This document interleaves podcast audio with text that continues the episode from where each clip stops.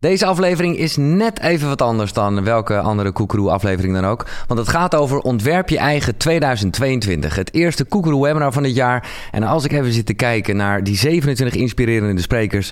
waar is het allemaal over gegaan? Talks over ochtendroutine, gezondheid, holisme, verwachtingen... hersenen, vertrouwen, manifesteren, heling, transformatie... het onderbewustzijn, trauma's, hormonen. Het kwam allemaal ter sprake. Een klein overzicht. Als je denkt, oh, ik word heel erg uh, een beetje chagrijnig wakker. Dat jij gewoon met simpel een nummer opzet en even lekker bewegen. Dat jij je stress verlaagt, maar ook heel snel jouw stemming van emotie kan verwisselen. Je wordt één keer in je leven geboren. Maar op ieder moment in je leven kan je ervoor kiezen om herboren te worden. Hoe meer jij in verbinding bent met jezelf, hoe dieper jij ook in verbinding kan zijn met je intuïtie. Ik denk dat positief blijven voor een belangrijk deel te maken heeft ook met mild blijven, aardig blijven over jezelf. Niet die keiharde veroordeling, niet jezelf zo ontzettend afrekenen in allerlei situaties. Uiteindelijk word jij aan het eind van jouw leven niet gewaardeerd om de persoon die je volgens iemand anders zou moeten zijn. Jij wordt gewaardeerd voor de persoon die jij uiteindelijk bent. Symbolen zijn eigenlijk die manieren waarop je jouw waarde vormgeeft in jouw leven. Kun je je brein veranderen? Yes, you can. Je kunt je brein veranderen. Het mooie namelijk aan het leven, en dat zie je hier ook staan, is dat je altijd kunt veranderen. Vandaag is het moment, niet morgen. Dat hoor ik ook zo vaak en dat is zo mooi ook weer aan het begin van het nieuwe jaar. Ik vind het persoonlijk echt de grootste onzin, maar ook heel herkenbaar een grote programmering. Het is 1 januari, dus ik ga aan de slag met mijn nieuwe en goede voornemens.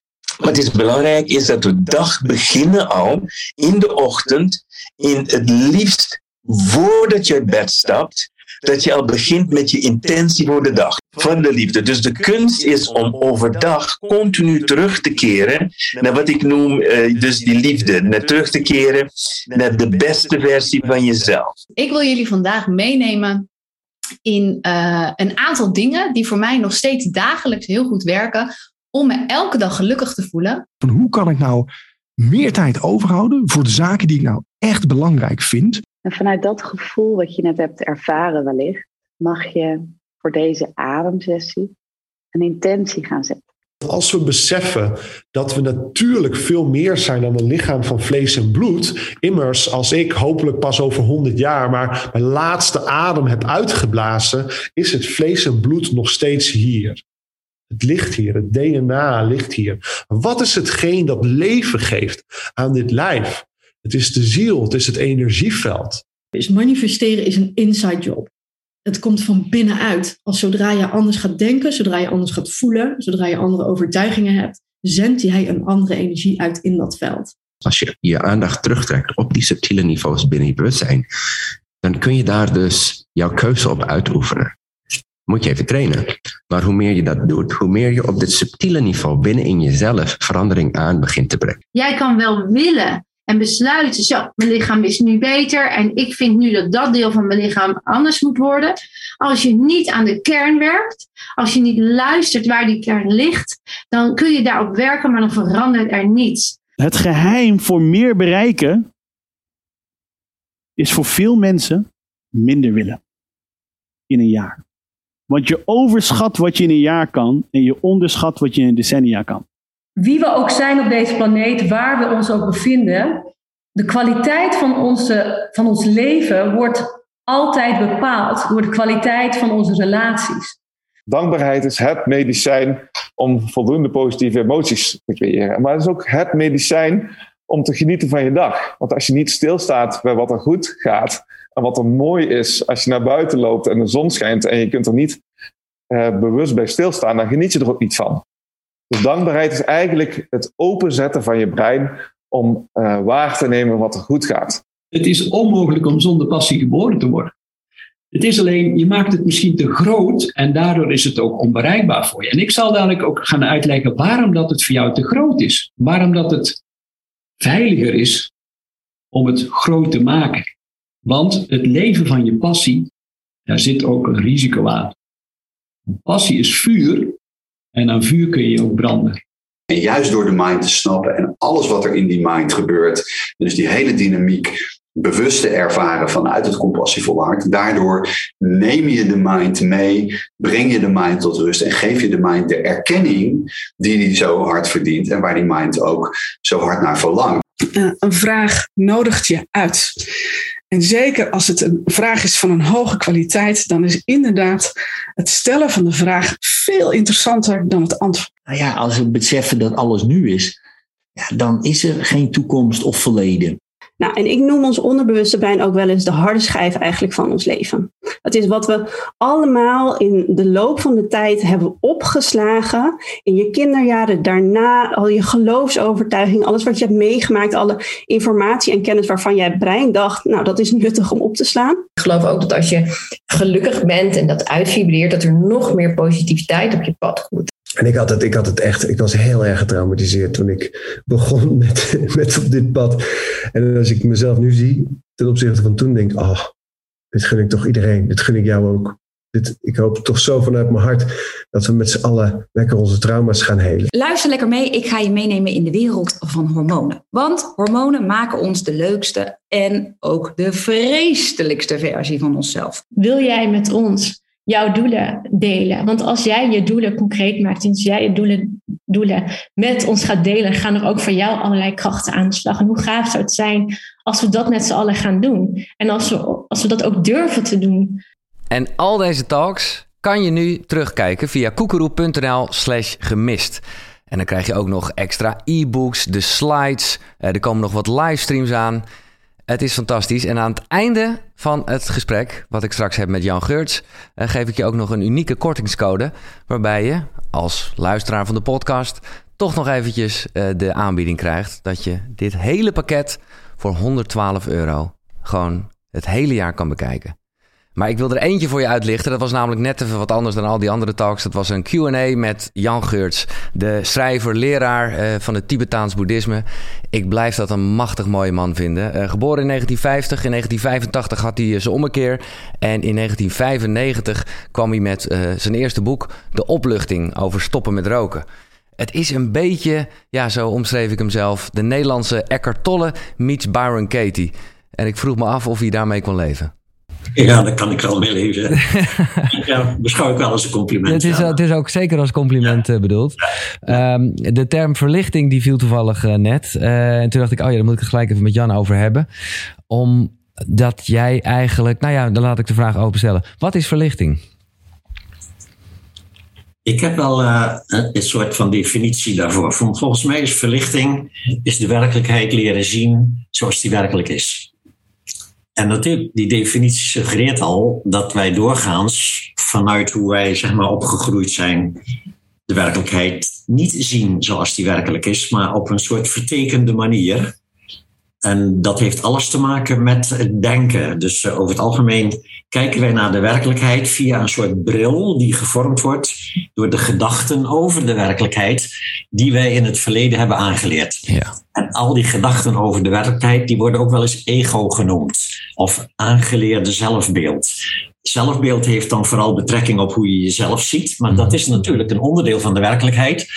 En ook als je zeg maar, naar dat deel van de werkelijkheid kijkt wat je beschouwt als niet jezelf, dan hebben we daar een onjuiste perceptie van. Dus uh, ja, ja, mooi. Spirit, spiritualiteit is eigenlijk alle kennis en methoden die erop gericht zijn om ons te helpen de werkelijkheid wel te leren zien zoals die werkelijk is en die onjuiste manier van waarnemen dus af te leren.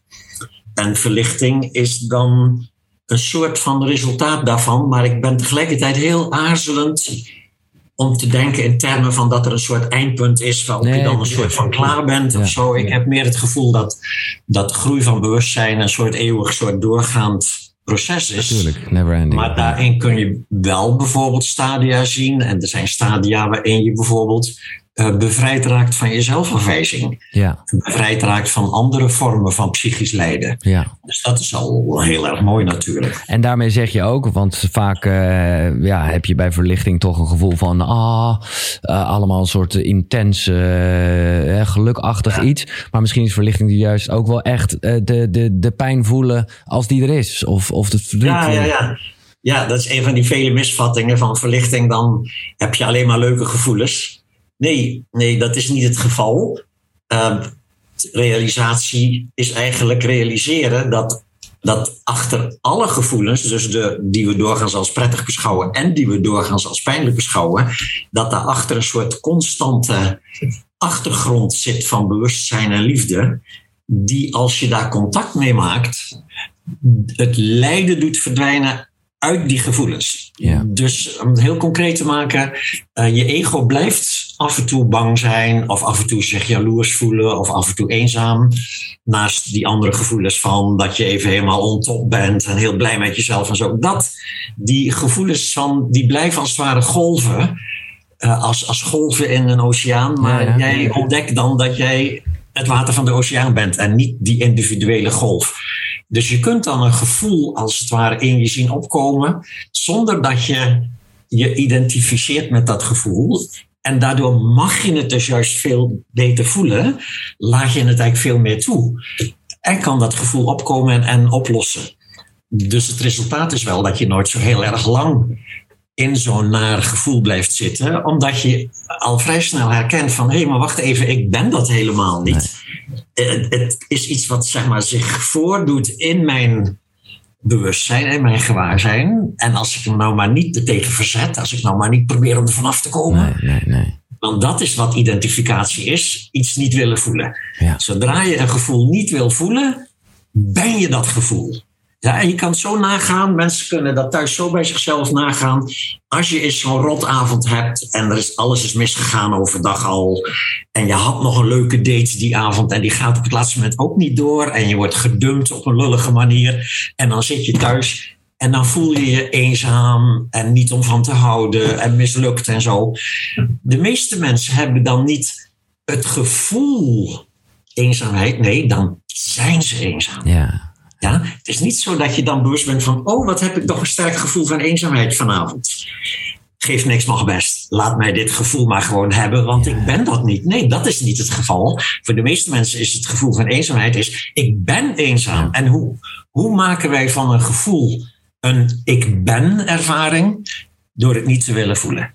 Dit is de paradox van spiritualiteit. Zodra je een, een gevoel wat op dat moment nog heel naar lijkt te zijn, toch niet bestrijdt, verdooft, van wegloopt, wat dan ook. Maar als we volledig toelaten in die open, ruime, gewaarzijnde geest. Dan kom je erachter dat het gevoel zelf al nooit pijnlijk geweest is. Maar dat het altijd jouw reactie erop was. Die als het ware de pijn eraan vastplakte. Waardoor je dacht dat het de jaloezie was die zo'n pijn deed. Of Maar de toch- eenzaamheid die zo'n pijn deed. Zelfs als je wel eh, nou ja, deze kennis hebt, en, eh, maar als de hele tijd dat gevoel er is, eh, ja, dan is dat toch lastig functioneren. Want dan. dan Ja, ja, ja, ja, ja, ja, ja. Ja, dus, dus wat je nu beschrijft is eigenlijk het feit dat het, deze kennis je sowieso niet ervan afhelpt. Hè? Dus op het moment dat je zo'n eenzame bui hebt en je, en je zit er al helemaal in, dan kun je wel denken van, oh, dit Het is gevoel. echt, ik Nee. mag dit voelen en zo. Ja. En, en natuurlijk, ook dat is al een vooruitgang ten opzichte van meteen twee flessen wijn uit de kast halen en jezelf klem drinken en wat dan ook. Dat waren je oplossingen waarvan je dan al hebt ontdekt dat ze niet werken. Ja. En dan ga je proberen om, als het ware, ervan af te komen door, ehm, door eh, dingetjes te denken als ik mag dit voelen, het is oké. Dus daar zit wel allemaal vooruitgang in, maar het gevoel blijft dan nog steeds heel pijnlijk. En dat komt omdat die neiging om ervan af te willen is nogal diep ingesleten. Dat doen we gewoon heel ons leven al. Ja. En je moet dus best een tijd lang oefenen in het toelaten van pijnlijke gevoelens, terwijl ze dan nog helemaal niet meteen veranderen in een soort ruim, open, liefdevolle staat. Ze blijven dan gewoon pijnlijk. Eh, en het is dus kwestie van, van, van geduld hebben. Gewoon blijven oefenen, geduld hebben. En daarvoor moet je dus eerst snappen waarom het op den duur wel gaat werken, die methode. En natuurlijk ook waarom de gebruikelijke methode van verdoven en weglopen ervoor en anderen de schuld geven en zo, waarom die het probleem alleen maar erger maken. En dan, ja, dan blijft op een gegeven moment alleen maar over van laat ik dan maar gewoon dit gewoon maar nemen, dit rotgevoel. Ja, nee, dat, dat is gelijk eh, wat, wat, wat jij eh, omschrijft in, in al die boeken die over die verslaving gaan. Dat eh, verslaving, ja, dat is de manifestatie van jezelf afwijzen. Ja, zelfafwijzing is wat je in je jeugd hebt geleerd te denken over jezelf. Doorgaans wil je dat gevoel en die gedachten niet hebben.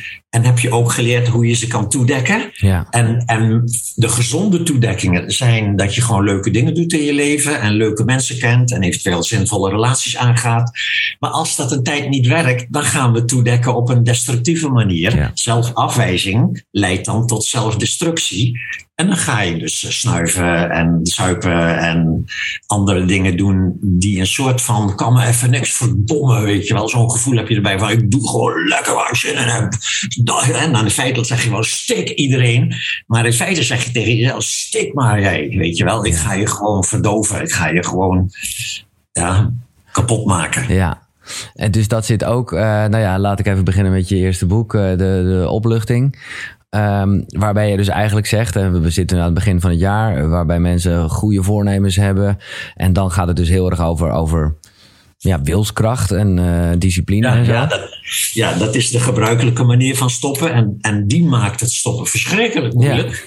Uh, en dat heeft, dat heeft alles te maken met wat is een verslaving? Een verslaving is een vicieuze cirkel tussen zelfafwijzing en de verdoving van de zelfafwijzing. Ja. Dus elke roker kent dat, zeker als je al wat langer rookt, dat je eigenlijk bij elke sigaret, in ieder geval bij het verlangen naar een sigaret, eigenlijk al een beetje stom vindt van jezelf. Van het is ongezond en fijn en je partner vindt het stinken en je kinderen zeggen hou er nou toch mee op. En, ja, dus je hebt al zelfafwijzing erover.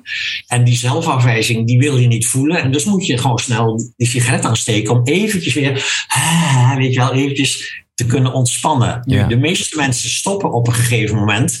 Als de zelfafwijzing zo groot geworden is. Ze zeggen, ik ben een rund dat ik dit blijf doen. Dan moet het verdomme klaar zijn. Slappeling die je bent. Ja, dus het gaat heel erg vanuit wilskracht. Vanuit het verbod op het gebruik van het middel. Geldt ook bij andere verslavingen en ook bij roken. Dus dat zelfafwijzing en het middel die een vicieuze cirkel hebben. En dat wordt dan gestopt door het middel te verbieden. Maar de zelfafwijzing is er nog steeds. Sterker nog, je bent gestopt vanuit zelfafwijzing. Dat betekent ook dat als je gestopt bent, elke keer dat je verlangt naar een sigaret, en dat gaat natuurlijk gebeuren. Als je zo lang gerookt hebt, ben je niet ineens van je verlangen naar een sigaret af. Dus telkens als je verlangt naar een sigaret, vind je dat stom van jezelf, want je wil er vanaf. Nou, als je een verlangen stom vindt, dan wordt het erger. Ja, ja, ja. En dus binnen no time loop je tegen de muur van ellende. En dan is er, je geest is zo bekneld dan. En dan is er nog maar één ding mogelijk. Dat is je sigaret opsteken. Ja. Maar dus de opluchtingmethode laat dat zien. Dat je niet bij het roken moet stoppen. Maar bij de zelfafwijzing moet stoppen. Ja. Dus de hele opluchtingmethode laat jou zien. Dat al die zelfafwijzing die je gekoppeld hebt aan dat roken. Dat dat een illusie is. Dat je helemaal niet stom, slap of slecht bent omdat je rookt. Dat het gevoel stom, slap of slecht een onderdeel is van de rookverslaving. Ja. Dus de methode van de opluchting helpt jou ook niet om te stoppen met het roken, maar helpt jou om te stoppen met het verslaafd zijn aan roken. En als je helemaal niet meer verslaafd bent, is niet meer roken is geen enkel probleem. Ik bedoel, ga op straat, vraag twintig mensen, vindt u het moeilijk om niet te roken? Al die mensen die niet verslaafd zijn aan roken, zijn hoezo eh, moeilijk? ja, een soort van, come on, waarom zou ik rook gaan inademen om mezelf een plezier te doen? Weet je wel, dat is gewoon smerig. Nee, maar ja, het probleem zit er natuurlijk in dat je, dat je op het moment dat je het wel gedaan hebt, eigenlijk overrompeld wordt door eh, nou ja, de, de, de, de, de stemmetjes van dat heb je nodig en dat mis je nu. Ja, ja, ja, precies. Ja. Dus de opluchtingmethode laat ook zien dat al die stemmetjes als het ware wel waar lijken, maar het in werkelijkheid niet zijn. Nee. En dan kun je ze horen, die stemmetjes, dat van de eerste dag na gestopt zijn, heb je van die momenten dat er een soort smachtend gevoel in je komt en een stemmetje van je kan maar beter weer gaan roken. En dan weet je al dat dat vanzelf overgaat als je niks doet. Ja. Dat, terwijl mensen denken, ik moet iets doen om van dit rotgevoel af te komen. Nou ja, het enige is dan weer een sigaret opsteken. Als je niks doet, gaat het gewoon voorbij. Binnen een paar dagen ben je vrij van je aandrang. Eh, ik heb trouwens pas, eh, heb ik dat boek heb ik ook ingesproken ja, als nu ook luisterboek. het luisterboek. Ja, dat was eigenlijk de laatste die ons nog ontbrak. De laatste die ik heb ingesproken, Ja. pas, eh, pas afgelopen maand. Ja, Vond het wel leuk om dat ineens te doen. En, eh, dus, dat, eh, dus als mensen het lezen niet zo prettig vinden, dan kunnen ze het gewoon downloaden vanaf mijn website. En dan, eh, kan je gewoon in een uur, een uur of zes, zeven kan je gewoon een boek beluisteren. Ja, ook fijn als je, mag je doorroken. in de auto zit. Je rookt, je rookt door tijdens het luisteren of het lezen van het boek. En dan kom je dus ergens op dat punt dat je gewoon zin hebt om op te houden. Ja. Ehm, ik ga even naar eh, de vragen toe, anders dan, eh, dan, dan, ja, daar heb ik om gevraagd. En een beetje, nou hier gaat het over sombere gedachten. Maar dat zou dus ook waar we het net over kunnen hebben. De, de, de ja, dwingende gedachte om iets te doen. Als eh, die blijven overheersen. En het is zo. Het ego is zo luid, schrijft Tanja. Dat het je handelen verlamt. Ja, wat is, wat is dan je advies? En dan hebben we het over hele pijnlijke gedachten. Ja, zij, heeft het over, zij heeft het over sombere gedachten in dit geval, ja. Sombere gedachten, ja. Sombere, depressieve gedachten. Uh, hetzelfde geldt ook voor verslavingsgedachten. Dus al die gedachten waar je in bekneld zit. Uh, en die als het ware door jouw gebruikelijke reactie erop verergeren. Je gebruikelijke reactie is dat je ervan baalt, dat je het stom vindt of slap vindt of naar vindt dat je telkens die nare gedachten hebt. En daarom probeer je ze te bestrijden. Maar dit is dus dat merkwaardige van gedachten. En als je ze bestrijdt, vermenigvuldigen ze zich, worden ze alsmaar meer en sterker en krachtiger. En de spirituele visie helpt je dus om te zien dat je, je de gedachten beter niet kunt bestrijden. Dus er zijn twee manieren om dat, om dat bestrijden los te laten. Dat is dat de ene manier is om je aandacht op iets anders te richten dan die nare gedachten. En dat kan een vorm van afleiding zijn ook. Dus dat je gewoon aan andere dingen probeert te denken. Maar een, een mooiere manier is dat je contact maakt met wat er in je lichaam gebeurt terwijl je gedachten roepen dat je mislukt bent of stom bent of zin hebt in een sigaret of jaloers of mislukt. Dus al die nare gedachten die spelen zich af in het denken. Maar het eigenlijk, die eigenlijke ervaring speelt zich af in je leven. Altijd onder de kin. Hè? Je bent nooit eenzaam in je oor en je voelt je nooit verdrietig in je knie. Ja, het zit altijd in dit gebied. Dit is het gebied waar de gevoelens zich eigenlijk manifesteren. Maar we hebben er tegelijkertijd een heel, zeg maar, een heel sterk verhaal bij geleerd te hoofd. denken. Ja, ja. En dat, dat verhaal overroelt als het ware de werkelijkheid van het gevoel zelf. Dus wat kun je leren met enige oefening? Terwijl je gedachten als het ware gillen van je bent een trut en een stommeling en de wereld is slecht. Wat voel ik werkelijk? Ja, ik hoor je, ik zie je, daggedachten, dagpijnlijke, negatieve, zelfafwijzende gedachten. Ik zie jullie wel, maar ik ga nu even kijken naar wat er werkelijk gebeurt. Laat jullie mogen babbelen op de achtergrond, maar ik ga nu even contact maken met wat er werkelijk plaatsvindt. En dat is hier. En dan zul je in eerste instantie uh, iets vinden wat je het beste kan omschrijven met stress. Dus begrippen als eenzaamheid en, en somberheid en, en jaloezie, dat zijn denkbegrippen, psychologische begrippen. Wat je werkelijk voelt, moet je, moet je als het ware uitdrukken in fysieke of energetische begrippen, zoals zwaar, donker, bekneld, ja, stress in het algemeen dan. Als je vervolgens die stress rechtstreeks verbindt met je oordeelvrije gewaarzijn, dat, dat dus eigenlijk onze natuurlijke staat is dan gaat geleidelijk aan dat, dat gebabbel in je geest verdwijnt naar de achtergrond. Wat je voelt in je lijf lost op in die ruime staat van zijn. Het is heel grappig, want mensen zijn zo bang voor hun gevoelens. Ja. Maar als je eventjes goed zou kijken naar het gevoel zelf in plaats van naar het verhaal, dan valt dat meteen al reuze mee. Ik bedoel, eh, jaloezie of eenzaamheid als lichamelijk gevoel is veel minder erg dan darmkrampen bijvoorbeeld. Ja, dat, is, dat is honderd keer zo pijnlijk. Ja, het is best maar een tamelijk vaag soort spanning in je lijf, die op het moment dat je als het ware hem mag voelen, je hem kunt toelaten. En als het ware is, oké, dat heb ik dan gewoon dit moment, no problem. Ja, Het is geen echte pijn, het is uh, slechts een bedenksel. Nee, ja, ja, ja, ja. het is echt dus, dus eigenlijk dat die bevrijding ligt vrij dichtbij. Alleen, ja, het, de, de, onze reflexen van het ego zijn nogal ingesleten. En daarom moet je een tijd lang oefenen zonder dat het meteen werkt. Daar zit zo'n vertraging in. Het zou mooi zijn als je meteen. Ja, maar je, je moet een tijdje moet je oefenen, als het ware, in het dan maar godsnaam dan maar toelaten van die pijn. Uh, en is, ja? Ja, is, is, is dat dan ook uh, eigenlijk uh, ja, waarom meditatie zo helpt? Omdat je dan, als het goed is, echt voelt wat je voelt. Ja, ja, dat is precies. En dan moet je wel onderscheid maken tussen die twee hoofdvormen van meditatie.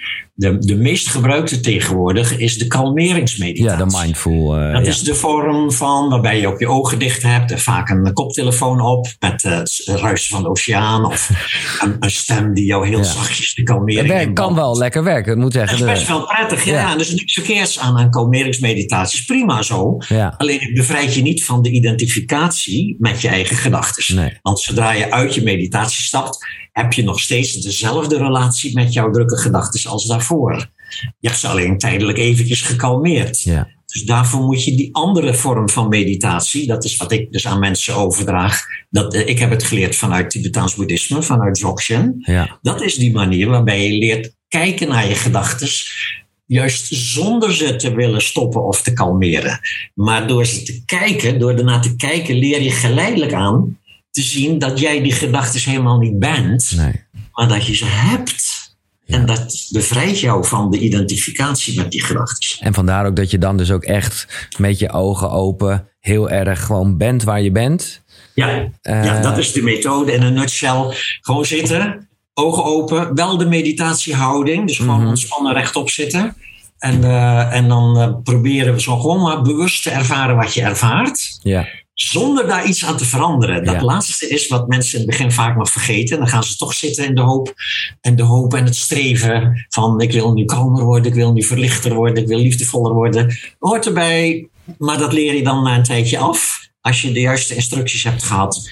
En dan leer je echt te zijn met wat er is, te ervaren wat er is, zonder daar iets aan te willen veranderen. Dat is eigenlijk de, de, het kenmerk. Niks veranderen. En wat er dan gebeurt is, het verandert vanzelf. Ja, dat is het ja. mooie. Dat, dat- en het voorbeeld in Zox is altijd van een glas modderig water. Als je wil dat het helder wordt, moet je er niet in gaan roeren. Van verdomme of gaan schudden. Dit water moet helder worden. Nee, moet je er van afblijven. Wel naar kijken, maar er van afblijven. En hetzelfde geldt dus ook voor je geest. Die eigenlijk ook te vergelijken is met een soort vertroebelde helderheid. De geest zelf is helder, kan alles ervaren zonder enige belemmering. Maar daar wordt de hele tijd door wordt daar doorheen gedacht. Met allerlei aangeleerde misvattingen. En die troebelheid die komt geleidelijk aan tot rust als je ernaar kijkt, maar zonder erin te roeren. Zonder te streven naar ik wil hier vanaf, ik wil alleen maar leuke dingen, dat soort dingen. Nee, ontspannen waarnemen, ontspannen gewaar zijn. Dus ook als je begint te denken, eh, laat dat maar even zo zijn. En Ja, wees je bewust van het feit dat je dan doet. Ja. Ja, want je kan ze in het begin niet, niet, niet, niet, niet denken. Dus dan leer je dus ook om van telkens dwaal je af met je gedachten. En, en dan even later merk je dat je daarvoor weer afgedwaald was met je gedachten. Geeft niks, mag best. Laat maar nee, is oké, weet je wel. Niet oordelen. Ja, ja, ja. Ik zie, eh, nou ja, het gaat allemaal een beetje Christras door elkaar. Sorry daarvoor, Jan. Want eh, ik denk dat het straks ook wel weer over verslaving zal gaan. Maar ik zie toch ook wel heel veel over, nou ja, eh, ook een van jouw bestsellers, Verslaafd aan Liefde. Ja. Ehm, en nou ja, ik vind het een mooie vraag van Linda. Kan iemand, of nou ja, misschien is het eerst goed, want het is natuurlijk niet eh, algemeen goed voor iedereen. Eh, ja, zou je de essentie van verslaafd aan liefde misschien eerst even kunnen duiden? Waar het bij een hoop relaties, eh, nou ja, misgaat, Ja. om het zo maar even te zeggen. Ja, ja, ja, dus dat heeft alles te maken met dat aangeleerde zelfbeeld. Met zeg maar wie we denken dat we zijn. Ja, wie we denken dat we zijn is een verzameling herinneringen, gedachten en herinneringen. Ja, als iemand jou vraagt wie ben je, zeg je je naam en je leeftijd. En waar je geboren bent en hoe oud je bent en wat je doet in je leven. Dat zijn allemaal concepten, zeg maar bedachte dingen die natuurlijk verwijzen naar wat je doet in je leven, maar wat je op dat moment denkt is een gedachte. Nu, dat hele ego is, is een verzameling gedachten die, ehm, waarvan we geloven dat we dat werkelijk zijn. En daarin zit een hele diepe zelfafwijzing. Die hebben we in onze jeugd aangeleerd, omdat we tijdens het eerste jaar van ons leven waren we echt heel afhankelijk, heel bang ook om alleen gelaten Nou, te daar zeg worden. je misschien ook, ik zag die vraag net binnenkomen, dus een goed moment om die er even in te gooien. Heeft zelfafwijzing een functie? Ja, ja, ja, het heeft een functie in het ontdekken dat het niet echt is. Ja. ja dat, is eigenlijk, dat is eigenlijk met alle narigheid. Alle narigheid in je leven heeft een functie, namelijk ontdekken dat je op een verkeerde manier naar de werkelijkheid kijkt. En tegelijkertijd heeft het een soort functie van toegang naar de juiste manier van kijken. Dus zelfafwijzing, wat we in onze vroege jeugd leren, is eigenlijk dat geloof wat we als baby ook dag in dag uit ervaren hebben. Dat uh, je goed voelen komt van een ander. Hè? Als mama knuffelt en eten geeft en zo. Dan voel je je goed als babytje. Als je het uh, ook maar even te lang alleen gelaten wordt. Dan begin je te huilen, raak je in paniek. Dus van binnenuit komt er dan angst en een enorme behoeftigheid aan weer die eh, zeg maar contact van buitenaf. Dus die, die basisovertuiging van dat aangeleerde zelfbeeld is dat je goed voelen, je eigen waarde, komt van buitenaf. Ja. En als dat ontbreekt, komt er van binnenuit een overtuiging dat je waardeloos bent en, en afhankelijk en behoeftig en angstig. Oké, maar sorry, ik onderbrak je, want we gaan even naar, naar hoe, hoe liefde Ja, daarin... dus nou, hoe, Ja. hoe, hoe werkt dat dan door in relaties? Op het moment dat jij dus eh, gelooft dat jij je ego bent. En in dat ego zit een overtuiging dat je een ander nodig hebt om volmaakt gelukkig te zijn. Eh, andere mensen om een beetje gelukkig te zijn, dat zijn je vrienden en je collega's. Dat moet allemaal ook lekker lopen. Maar we hebben ook allemaal een soort ingeboren hoop en verwachting dat er nog ooit is, dat er de één is, dat er één is die wel altijd er voor me is, altijd van me houdt en tot de dood ons scheidt enzovoort. En zo. Dus dat is een heel sterk verlangen van het ego. En op het moment dat je dus iemand tegenkomt die datzelfde verlangen heeft en die denkt dat jij dat verlangen gaat vervullen, is er een soort wederzijdse. Jij gaat mijn diepste verlangen naar geluk vervullen. Ik ook van jou, jij ook van mij. En dan vindt er een soort ontspanning plaats in dat aangeleerde zelfbeeld. Het krijgt ineens de jackpot. Ja. Zijn, zijn, zijn grootste hoop en verlangen wordt ineens vervuld.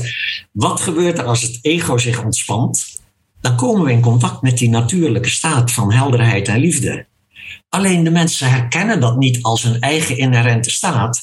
Ze denken, dit heerlijke gevoel komt van die ander. Ja. Die ander geeft mij dit heerlijke gevoel van liefde en volmaaktheid en dat soort dingen. En dus gaan we onmiddellijk die ander vasthouden. Gaan we claimen, gaan we angst voelen ook om die ander kwijt te raken. We gaan eh, afspraakjes maken met elkaar om elkaar nooit in de steek te laten, dat soort dingen. En daar begint eigenlijk al het- de ellende van waar veel relaties dan uiteindelijk in terechtkomen. Namelijk in een soort gezapig soort vergroeiing met elkaar.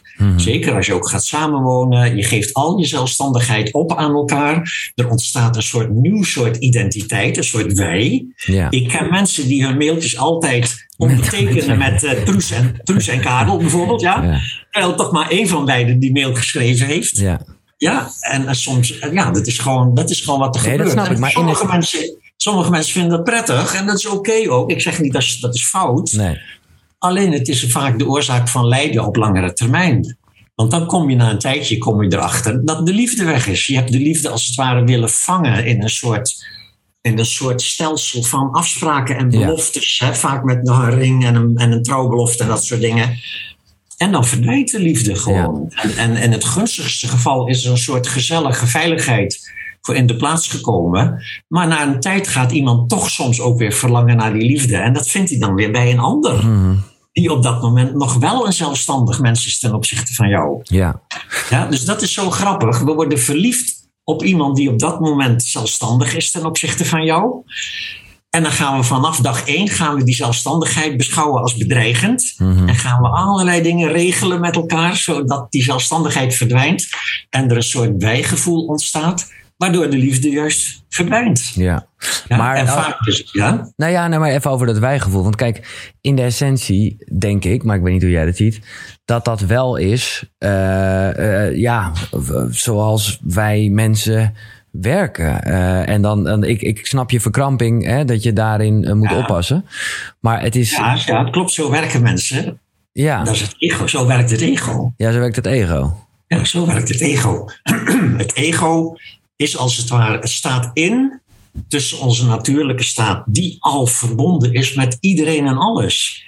Daar overheen ligt dat ego en het ego gelooft, ga maar bij jezelf na, dat je een afgescheiden individu bent.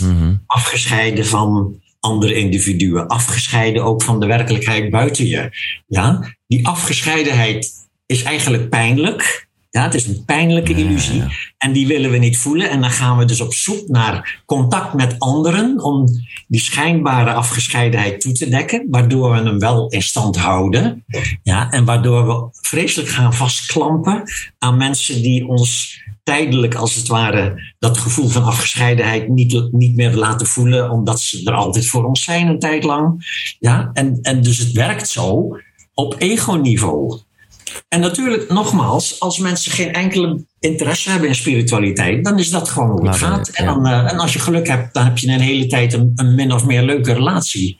En als je pech hebt, dan loopt het na een korte tijd of een iets langere tijd, loopt het fout in datzelfde mechanisme. Ja. Maar jij zegt eigenlijk in werkelijkheid eh, zijn wij allemaal verliefd op alles en iedereen. Eh, of in ieder geval verbonden. Ja, in werkelijkheid zijn we liefde. Ja. Maar daar hebben we geen contact mee, nog. En dus is het volkomen oké ook. Want ik zeg hier niet van we moeten ophouden met verliefd zijn op anderen. Nee. Nee, we moeten die, dat verschijnsel van het ego, waarop je dus af en toe verliefd bent op iemand anders, moeten we leren zien en benutten voor spirituele groei. Dus daarom dat ik ook boek heb geschreven en een cursus geef over wat ik dan de spirituele liefdesrelatie noem. Dat is een ego-liefdesrelatie, gewoon op de traditionele manier. Ik hou van jou, jij houdt van mij, ik wil jou nooit meer kwijt, ik ben bang om je te verliezen. Ja. Dat gaat allemaal door. Plus deze spirituele kennis en de methode om ernaar te kijken. En partners kunnen dan elkaar gaan helpen om die liefde die in eerste instantie nog door elkaar bij elkaar opgewekt wordt, te leren zien als hun inherente staat van zijn. Ja. Dus je helpt elkaar om zelfstandig te blijven en om in een soort, in, om ook in jezelf die inherente staat van liefde. Oh, maar dit vind ik heel fijn dat je dat zegt. Want ik heb de afgelopen tijd best wel vaak aan je moeten denken. Omdat, eh, ja, ik ben gewoon heel erg verliefd op dit moment. En ja, ja dan dacht ik ook bijna... Ja. Ja, nee. Dat is toch het mooiste wat er is? Dat is het mooiste wat er is. Nee, maar ik moest Ja, ook wel gewoon denken is, ja. aan, aan, aan jou. eh, nou ja, nou ja, ik wil het niet kritiek noemen, maar eh, dat, degene wat je net schetst. En dan kreeg ik ook Nee, een soort nee, error in nee, mijn hoofd. Nee, Nee. dat is altijd weer de. Dit is zo moeilijk omdat je de spirituele boodschap heeft in feite twee dingen die je tegelijkertijd zegt. Het is een illusie. Ja. En mensen denken dan, oh, dan is het dus fout, moet ik iets anders gaan doen. Nee, nee, het is een illusie, maar je moet hem benutten. Ja, precies. Je moet er op de juiste manier mee omgaan. En dat betekent dus bij verliefdheid, zeker als je verliefd bent op iemand die ook geïnteresseerd is in deze zeg maar, spirituele ontwikkeling, dat je van meet af aan elkaar gaat helpen door bijvoorbeeld ook meteen te erkennen van, "Hm, ik ben ook behoorlijk bang om je kwijt te raken. Ja. En ik heb ook wel wat eh, neiging om jaloers te zijn als ik je zo heel erg bezig ziet met andere leuke mannen of vrouwen of zo. Ja. Dan deel je met elkaar. Die gevoelens mogen Dat is ook juist heel zijn. fijn. Ja, precies. Ja, dat is fijn als Ja. je dat kan delen met elkaar zonder dat de ander dat veroordeelt. Ja. Nou, en ook omdat ik denk. elkaar dus om verantwoordelijkheid te nemen voor je eigen gevoelens. Omdat in plaats van dat je... te- ja, want normaal in, in beginnende relaties ga je dat soort dingen juist uit de weg. Ja, ga je ja, jezelf ja, ja. je mooist voordoen. Ja. En dan ga je eeuwige trouw beloven en zo. En dat waar de ander bang voor is, dat ga je dan verbergen. Ja, stel dat jij een hobby hebt die de ander niet leuk vindt, dan ben je geneigd om ermee op te houden. Want je wil die ander niet voor het hoofd stoten, dat soort dingen. Dus daar begint dat gebruikelijke proces van dat je jezelf als het ware gaat aanpassen Ja. Uit angst om een ander kwijt te raken. Want ik heb zelf wel de indruk eh, dat het als het gaat over, nou ja, eh, zoals jij dat zo mooi noemt, spirituele groei, dat het je ontzettend kan helpen, omdat het juist, eh, ja, omdat het juist goed een spiegel is. eh, Ja, ja, ja, absoluut. Ja, dus dat is het mooie van een liefdesrelatie die als het ware ervaren wordt vanuit die spirituele visie. Ja, ja, ja. Maar al die, dingen, al die dingen die normaal zorgen voor problemen, die kunnen dan voor groei zorgen. De problemen krijgen een functie, krijgen een nut. Ja. Even, heel veel vragen komen hierop binnen. Ik wil, en daar begon ik eigenlijk mee. Toen dacht ik, laten we het eerst even duiden. Linda die stelt de vraag: Kan iemand als vrijgezel echt gelukkig zijn? Of leeft die persoon simpelweg in ontkenning? Ik denk dat dat afhangt van de mate waarin die persoon spiritueel ontwikkeld is. Als die niet spiritueel ontwikkeld is, dan heeft hij vermoedelijk, als hij zichzelf redelijk oké vindt als single, dan heeft hij zeg maar, voldoende eh, zeg maar, um, alternatieven voor een liefdesrelatie. Goede Ja, ja, vriendschappen, leuke bezigheden, Ja. eh, niet al te schadelijke afleidingen. Hè, dus niet eh, drugs en dat soort dingen, al te veel in ieder geval. Maar gewoon leuke hobby's. En vindt het leuk om films te kijken als hij alleen is, dat soort dingen. En dan kan iemand best wel redelijk oké en tevreden zijn met zijn leven. Maar laat ik hem wat algemener stellen. Denk jij dat iemand die ja, eigenlijk niet of nauwelijks verbinding heeft met andere mensen, eh, kan die echt gelukkig zijn? Als dat, nogmaals, als dat iemand zou zijn die al 20, 30 jaar de juiste manier van spirituele beoefening heeft gedaan en in zichzelf rechtstreeks contact kan maken met die inherente staat van liefde en verbondenheid, zo iemand zou in afzondering kunnen leven en gelukkig kunnen zijn. En mag ik Maar dat, is een, dat is eerder een uitzondering dan Nou een ja, regel. precies. Maar mag ik, de- ik ben gewoon heel nieuwsgierig, dat weet je. Maar hoe, hoe, hoe zie jij dat bij jezelf? Want ergens denk ik dan toch ook, ja Jan, jij wilt toch in die end misschien ook wel op een eh, schommelstoel zitten met eh, een oud vrouwtje of eh, eh, ja. Nee, ik heb wel ik heb dezelfde ego-behoeftes als iedereen. Dus mijn ego kan af en toe ook verlangen naar, naar, dat, zeg maar, dat, de, naar de verliefdheid. Ik heb pas nog weer een, een prachtige, mooie verliefdheidsaffaire meegemaakt. mooi. Heerlijk, prachtig mooi. En natuurlijk dan een tijdje ook even heel pijnlijk als het dan toch weer fout loopt. Oh, Oké, nee, dat... En, eh, en, dat- en dan alles tezamen is gewoon, ik heb er weer zoveel van geleerd. Ja, het is zo, iets moois geweest. Ja. Dus nee, ik ben, eh, ik, ben, ik ben gewoon steeds enthousiaster over, over verliefdheid, omdat ik het steeds meer zeg maar, weet te integreren in mijn spirituele beoefening. Ja. En dan tegelijkertijd, nu ben ik dus in een periode zeg maar, zonder relatie. Ja. Nou, en dan heb ik af en toe wel die gedachte van, oh, moet ik niet wat doen? Moet ik niet dan toch maar gaan daten of iets dergelijks? En dan, maar dan komt meteen dat heldere deel van mij, komt dan van, ja, oh, wacht even, nee, je hoeft niks te doen. Het komt vanzelf. Ja, ja, ja. Je, je, hoeft, je hoeft eigenlijk niks te regelen. Je zou kunnen zeggen, de liefde zorgt zelf voor het wisselen van de partners. Ja, de, liefde, de inherente liefde wil niks lievers dan zichzelf herkennen in een ander. Ja, en dat komt gewoon op je weg. Ja. Maar het kan ook best gebeuren dat het op je weg komt, niet in een traditionele liefdes-verliefdheidsaffaire, dat je ineens op andere manieren ineens hele liefdevolle dingen Ja, liefde zit hem niet alleen in een relatie. Dat nee, niet. kunst of in muziek ja, of dat soort dingen. Hè? Dus, eh, Ik stel de volgende vraag en eh, dan ga ik heel even eh, naar het toilet, maar geef gewoon vooral antwoord. Ik moet even plassen, sorry. Eh, wat als je juist niet verslaafd bent aan de liefde, eh, dus het niet als positief ervaart, is dat dan eh, ja, een verslaving aan zelfafwijzing of waar zit hem dat in? Ik weet niet van als je niet verslaafd bent aan liefde, die persoon die zou misschien kunnen bedoelen dat hij geen enkele behoefte heeft aan een liefdesrelatie. Dat zou kunnen. Eh, dan zou ik zeggen gewoon eh, be happy and enjoy yourself. Eh, want het komt echt wel weer terug. Eh, zeker als jouw manier van geen relatie hebben ook een zekere mate van vluchten heeft van het alleen zijn. Hè? Dus weglopen van het alleen zijn. Never a dull moment. Films, mensen zien, kroegen, uitjes, feestjes. De hele dag bezig met andere mensen. Dan zit daar vaak een element in van weglopen van jezelf. Nou, ergens kom je dan gewoon jezelf tegen. Eh, dus als dat eh, de vraag was, dan eh, don't worry. Ja, de shit komt altijd wel weer terug, ook als die op dit moment er niet is. Het kan ook zijn dat je in een liefdesrelatie zit en dat je totaal niet het gevoel hebt dat je verslaafd bent aan die liefde. Eh, dat je het eigenlijk gewoon heel oké vindt dat je een relatie hebt, maar dat je helemaal niet bang bent om die persoon kwijt te raken. Maakt je eigenlijk niet zoveel uit. Eh, soms heb je misschien zelfs wel ook wel fantasieën van dat het ook misschien wel leuk zou zijn als je weer gewoon eens weer single zou zijn. Dat is allemaal het spel van het ego. Dus dat betekent dat je op een dieper niveau hetzelfde ego hebt als alle mensen, maar dat je in een fase zit waarin je eventjes succesvolle toedekking hebt van je diepere verlangens naar verbondenheid met anderen. Mooi. Wat ik ervan meekreeg, je hebt het eerste gedeelte gemist, maar eh, ik, eh, ik, ik ga terug beluisteren. Eh, kan een jarenlange relatie, kan, je, kan je die nog zeg maar transformeren of ontwikkelen naar een spirituele relatie? Ik zie daar wel veel vragen over. Ja, waarbij, ja dat kan. Ja, maar ze moet Dat wel kan. alle twee. Dat is, dat is Dan wel. moet je het alle twee, dan moet je het alle twee willen. Ja. En, en dat is vaak het probleem. Een van beide ontwikkelt spirituele interesse. Gemiddeld genomen vaker de vrouw, de vrouwelijke partner dan de mannelijke partner. Vrouwen, vrouwen lopen spiritueel gewoon wat voor. Eh, om onduidelijke redenen. Het zou kunnen zijn dat vrouwen gewoon iets minder bang zijn van hun gevoelens dan mannen. En eh, daardoor ook iets makkelijker zeg maar, toegang, toegang vinden tot spirituele beoefening. En dan natuurlijk, als je dat dan eenmaal eh, gelezen hebt en, en bestudeerd en, en het spreekt je aan om op die manier je relatie te transformeren naar een spirituele, dan moet je wel de medewerking zien te vinden van je partner. En dat kan, eh, dat kan soms lastig zijn, ja, want voor de partner is dat misschien veel bedreigender.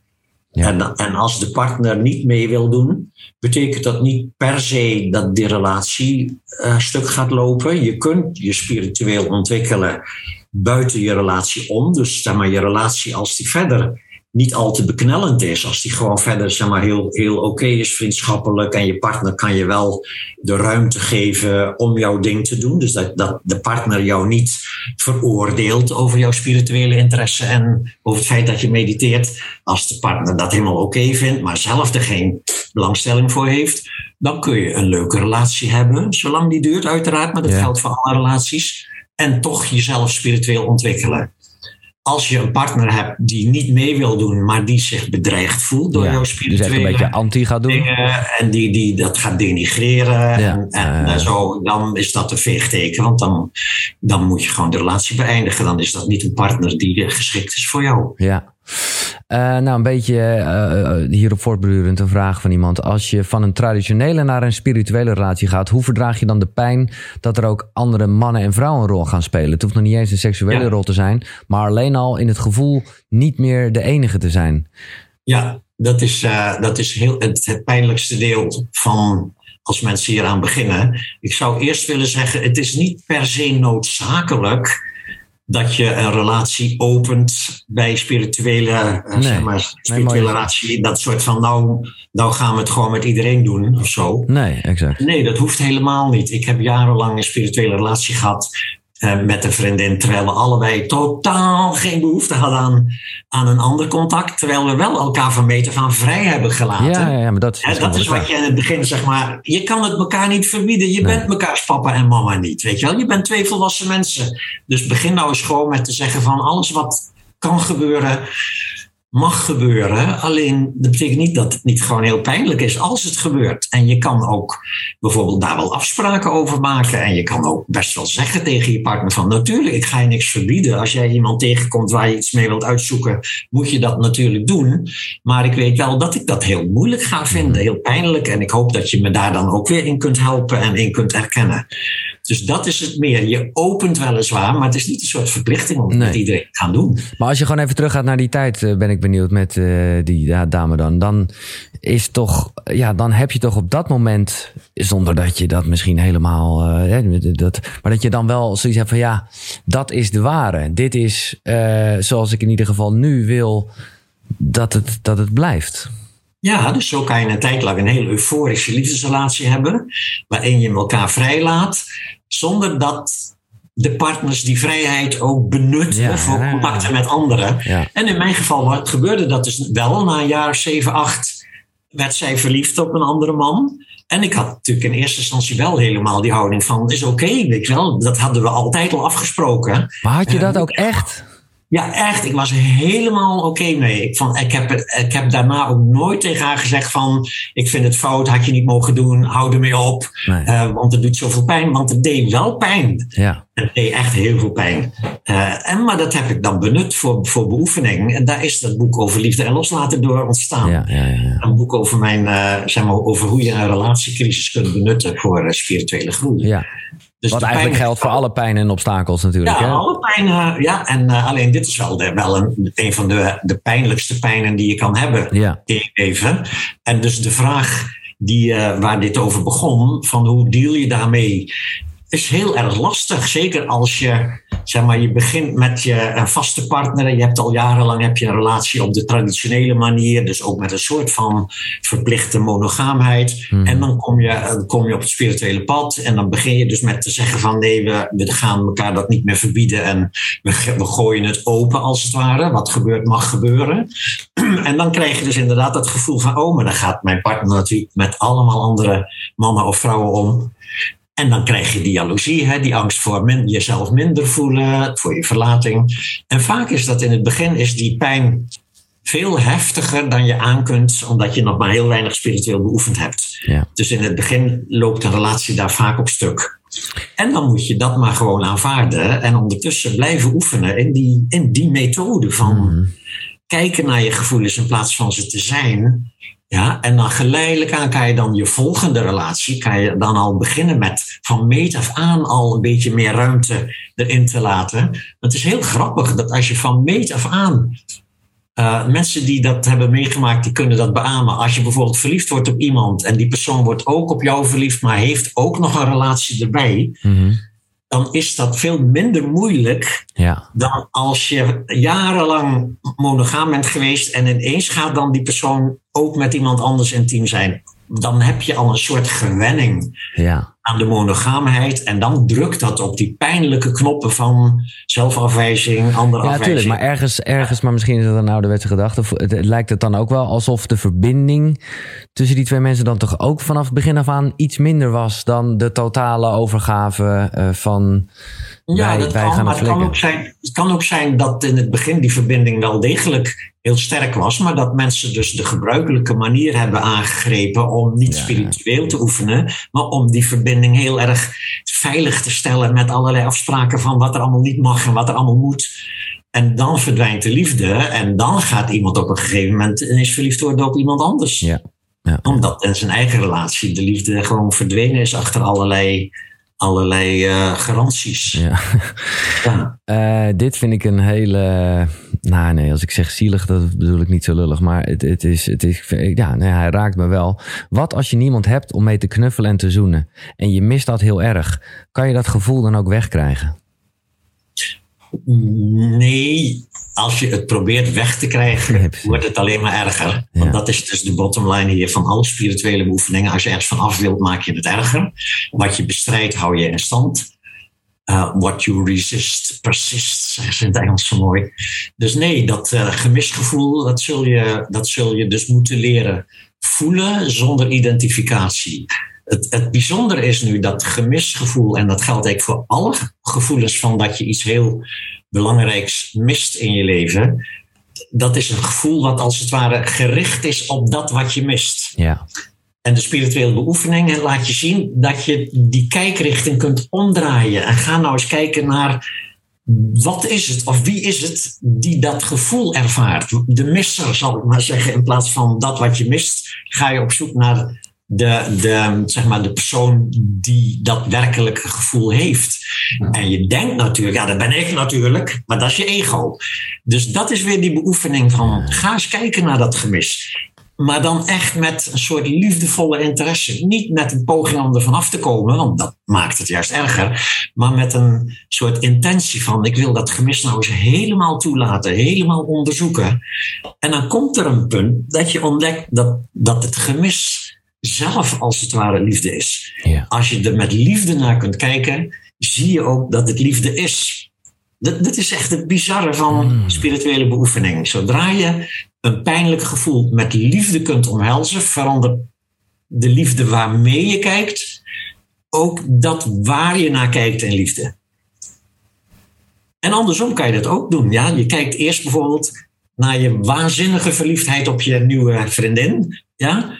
Dan vult je gewaarzijn zich met liefde. Ja, maar dat is nog door de gedachte aan die vriendin. Stel even dat je niet samen bent, maar je denkt aan haar. Ah, je stroomt helemaal vol en met warme gevoelens. Je ziet haar beeld, je herinnert je samen zijn. Dat is allemaal denken. Je lijf stroomt vol met verliefdheid, dat is je gewaarzijn. En dan laat je die gedachte aan je vriendin los en kijk je rechtstreeks naar die liefde. En dan, als je dat op de juiste manier doet, dan zie je ineens dat dat wat naar liefde kijkt zelf ook liefde is. Ja. Dus dit is eigenlijk de, de, het grote geheim van spirituele realisatie, is dat, dat waar je naar kijkt en degene die kijkt, niet twee zijn. Nee. Is gewoon één, één ervaring. En dat is het einde van alle identificatie en van alle lijden. Ja. En dat opent je voor een soort van inherente liefde. Ja. Die je dan nog steeds ook ontzettend leuk vindt om te delen met iemand anders.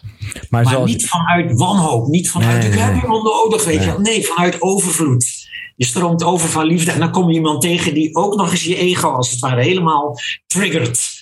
In een soort van wow, wat is zo mooi en leuk en lief en zo. Prachtig mooi allemaal. Maar het is natuurlijk eh, heel logisch dat je toch daarnaar smacht. Zeker als jij het eerder benoemde als hè, dat liefde heel erg helpt bij het, het verzachten en eh, of ontspannen eigenlijk van het ego.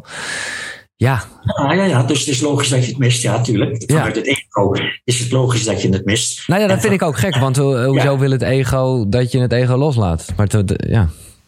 Ja, nee, het ego wil het ego niet loslaten. Nee. Het ego wil Nee, dat bedoel ik. altijd liefde, altijd seks, altijd geld. Ja, Nee, kan niet. Nee. Dat kan niet. Dat nee, maar als je het daar dus spiritueel naar kijkt en, en dat overstijgt en je dus de behoefte hebt om dat, eh, ja, zelfs dan kan je in alle rust wel, ja, ja, toch ook weer bedenken, maar ook voelen dat de liefde daar heel erg bij helpt. Dat hangt ervan af. Nee, het kan ook je heel erg ervan afleiden. Als je, als je, zeg maar, als je op het spirituele pad wil zijn en je wordt dan op een bepaald moment verliefd en je gaat vervolgens alle ego-reflection ga je gewoon uitleven, zonder dat je daar enig bewustzijn van hebt en zonder dat je daar enige vorm van beoefening op loslaat, dan is een verliefdheid is vaak gewoon het, einde van je spirituele interesse. Dat zullen veel mensen beamen. Ik was bezig met spiritualiteit, toen raakte ik verliefd. Nou, die relatie heeft vier jaar geduurd, ik heb vier jaar niet beoefend. Ja, ja, ja. Totdat het fout liep, weet je wel. Totdat, de, totdat ik me weer shit ging voelen. Toen dacht ik, oh, ik moet weer beoefenen. Ja, voor ellende is voor de meeste mensen het begin van spirituele interesse. Ja, ja, dat begrijp ik. Maar denk jij niet dat het hand in hand zou kunnen gaan? Weet je, maar dat, dat is gewoon even mijn, mijn persoonlijke eigen situatie. Waarbij ik al zei dat ik gewoon echt het gevoel heb dat ik ja, heel veel gesprekken gehad, heel veel boeken gelezen. eh, maar het echt te voelen.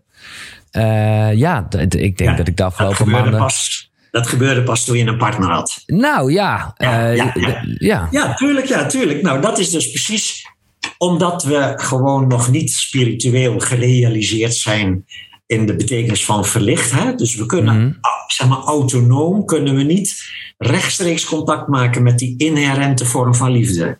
Dus dat betekent dat daar nog een soort ego-laag tussen zit. Dat ego heeft dan iemand anders nodig dat om zichzelf zodanig te kunnen ontspannen Ja, dat bedoel ik. dat je dat Ja. voelt.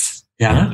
En dan moet je wel weten ook en, en, en snappen dat wat je voelt is altijd je eigen liefde. Ook als je het pas voelt als de ander zegt ik vind jou lief. Ja.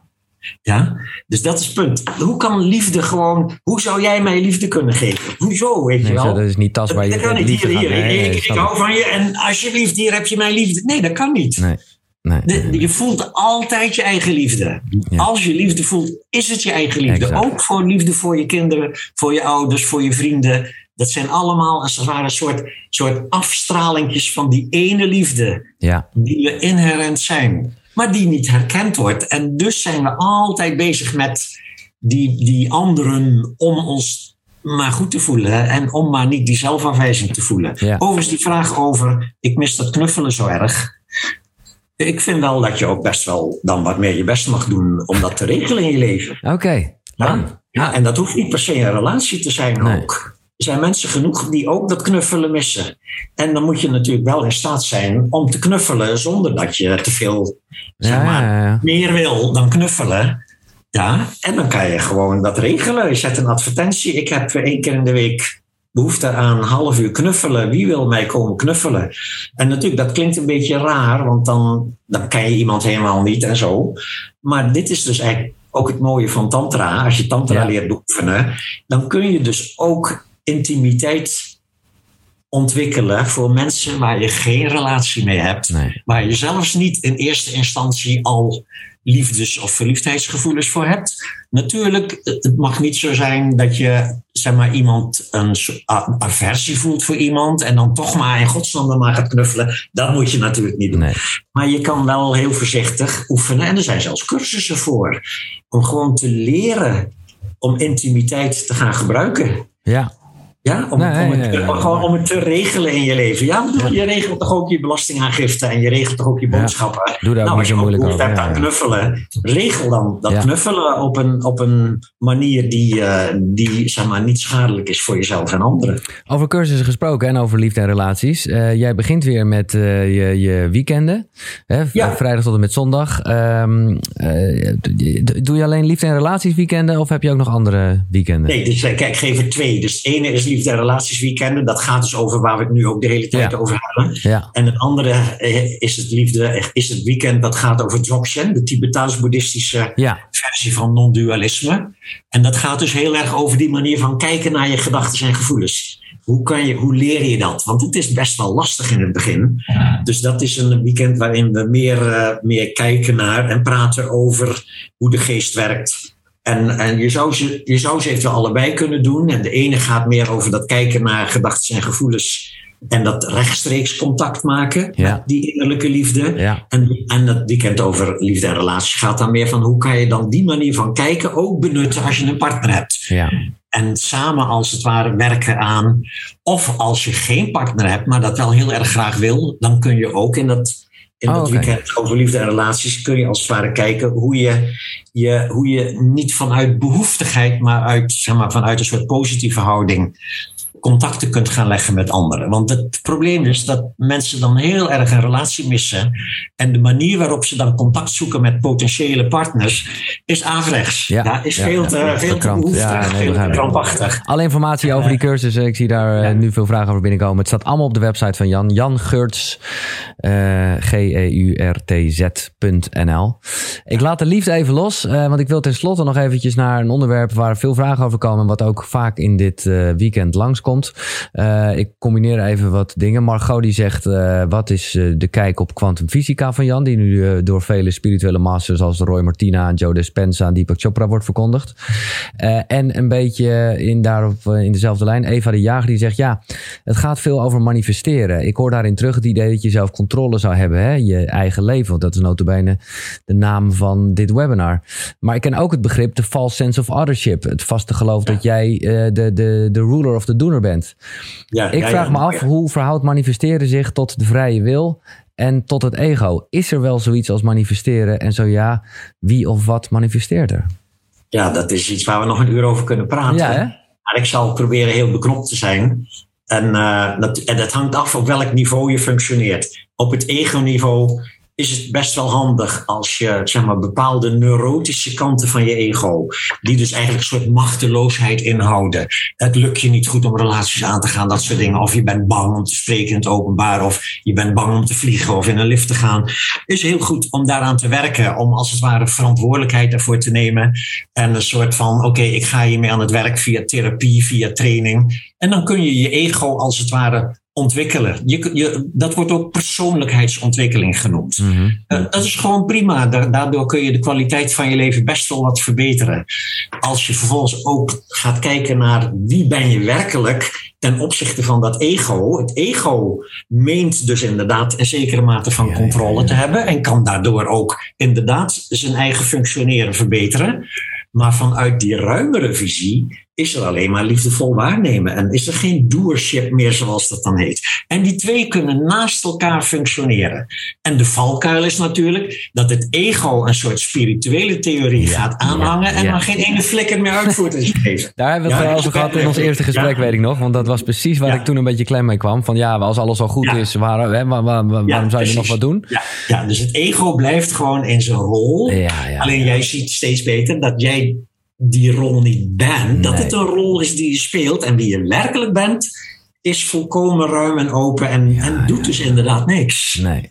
Heeft alleen maar lief. Ja. Bemint alles wat er zich afspeelt. Maar ik vind het wel mooi zoals jij dat schetst. Want dan is het inderdaad gewoon, eh, ja, ja, maar even lullig gezegd, om het ego een beetje bezig te houden. En ook echt daadwerkelijk wel dus doelen Ja, te stellen, te manifesteren. wel. Ja. Nee, dat, dat is echt niks verkeerds. Nee, er is niks verkeerds Het nee. ego zichzelf ontwikkelt. Ja, exact. Exact, exact. Want Ja, het ego is en- en zal er altijd ja. zijn. Ja, ja. En die andere vraag over kwantumfysica, die kan ik vrij kort beantwoorden. Spiritualiteit is als het ware de weg waarin je je eigen geest onderzoekt. En uiteindelijk tot de realisatie komt dat zowel materie als bewustzijn één zijn. Mhm. Nu, kwantumfysica is als je naar buiten zoekt via fysica, via de wetenschap van de fysica. Je gaat de materie onderzoeken, je gaat steeds dieper, steeds dieper, steeds dieper. En waar kom je uiteindelijk uit? Dat materie en bewustzijn niet van elkaar te onderscheiden zijn. Dus de weg naar buiten en de weg naar binnen leidt uiteindelijk tot dezelfde Dus realisatie. het is gewoon welke Het kant is het één, is. Ja, er is ja, één, gewoon dus één soort bewustzijn, materie is één ervaring. Ja, ja, ja. Mooi. Ik sluit af met een van de vele complimenten, maar ik vind dat het mooi verwoord heeft. Judith, die zegt, wil je Jan even de complimenten geven over hoe ontzettend enthousiast en gepassioneerd hij zijn gedachtegoed maar blijft vertellen. Echt geweldig. Terwijl hij dit tot duizend keer heeft moeten uitleggen. Geweldig. Het blijft leuk. Ja, dat vind ik leuk. ook. Maar ik vind het, eh, daar heeft ze helemaal gelijk in. Elke keer vind ik dat ook weer heel verrassend. En mensen zeggen ook, kan dit vaker, kan dit langer? Jongen, ik zou een keer een marathon met je willen doen, eh, Jan. Maar eh, nu is, het, is het uur alweer voorbij. Het was ergens, ja. ja, maar dat is het toch mijn, eh, mijn, mijn persoonlijk consult bijna geweten. Het ging toch te lang over de liefde. Maar ja, Dat is ook waar het leven om gaat inderdaad. Dit is toch waar de meeste mensen toch tegenaan lopen. hè? Ja, zo is het. En ik ook. Ja. Ja, nou, dat vind ik mooi en eerlijk dat je dat deelt. Eh dankjewel. Nogmaals, check de site jangeurts.nl voor... eh, nou ja, fijn dat je weer eh on the roll bent met alles. En, en de luisterboeken dus. Nou ja, voor degenen die willen stoppen met roken, de opluchting... kan je nu ook Jan horen vertellen op zijn gehele eigen wijze. Ja. Dankjewel, Oké, Jan. Giel. En Dankjewel. dag. Jan Geurts, wat een baas. En nou waren er nog heel veel vragen waar ik eh, niet aan toe kwam.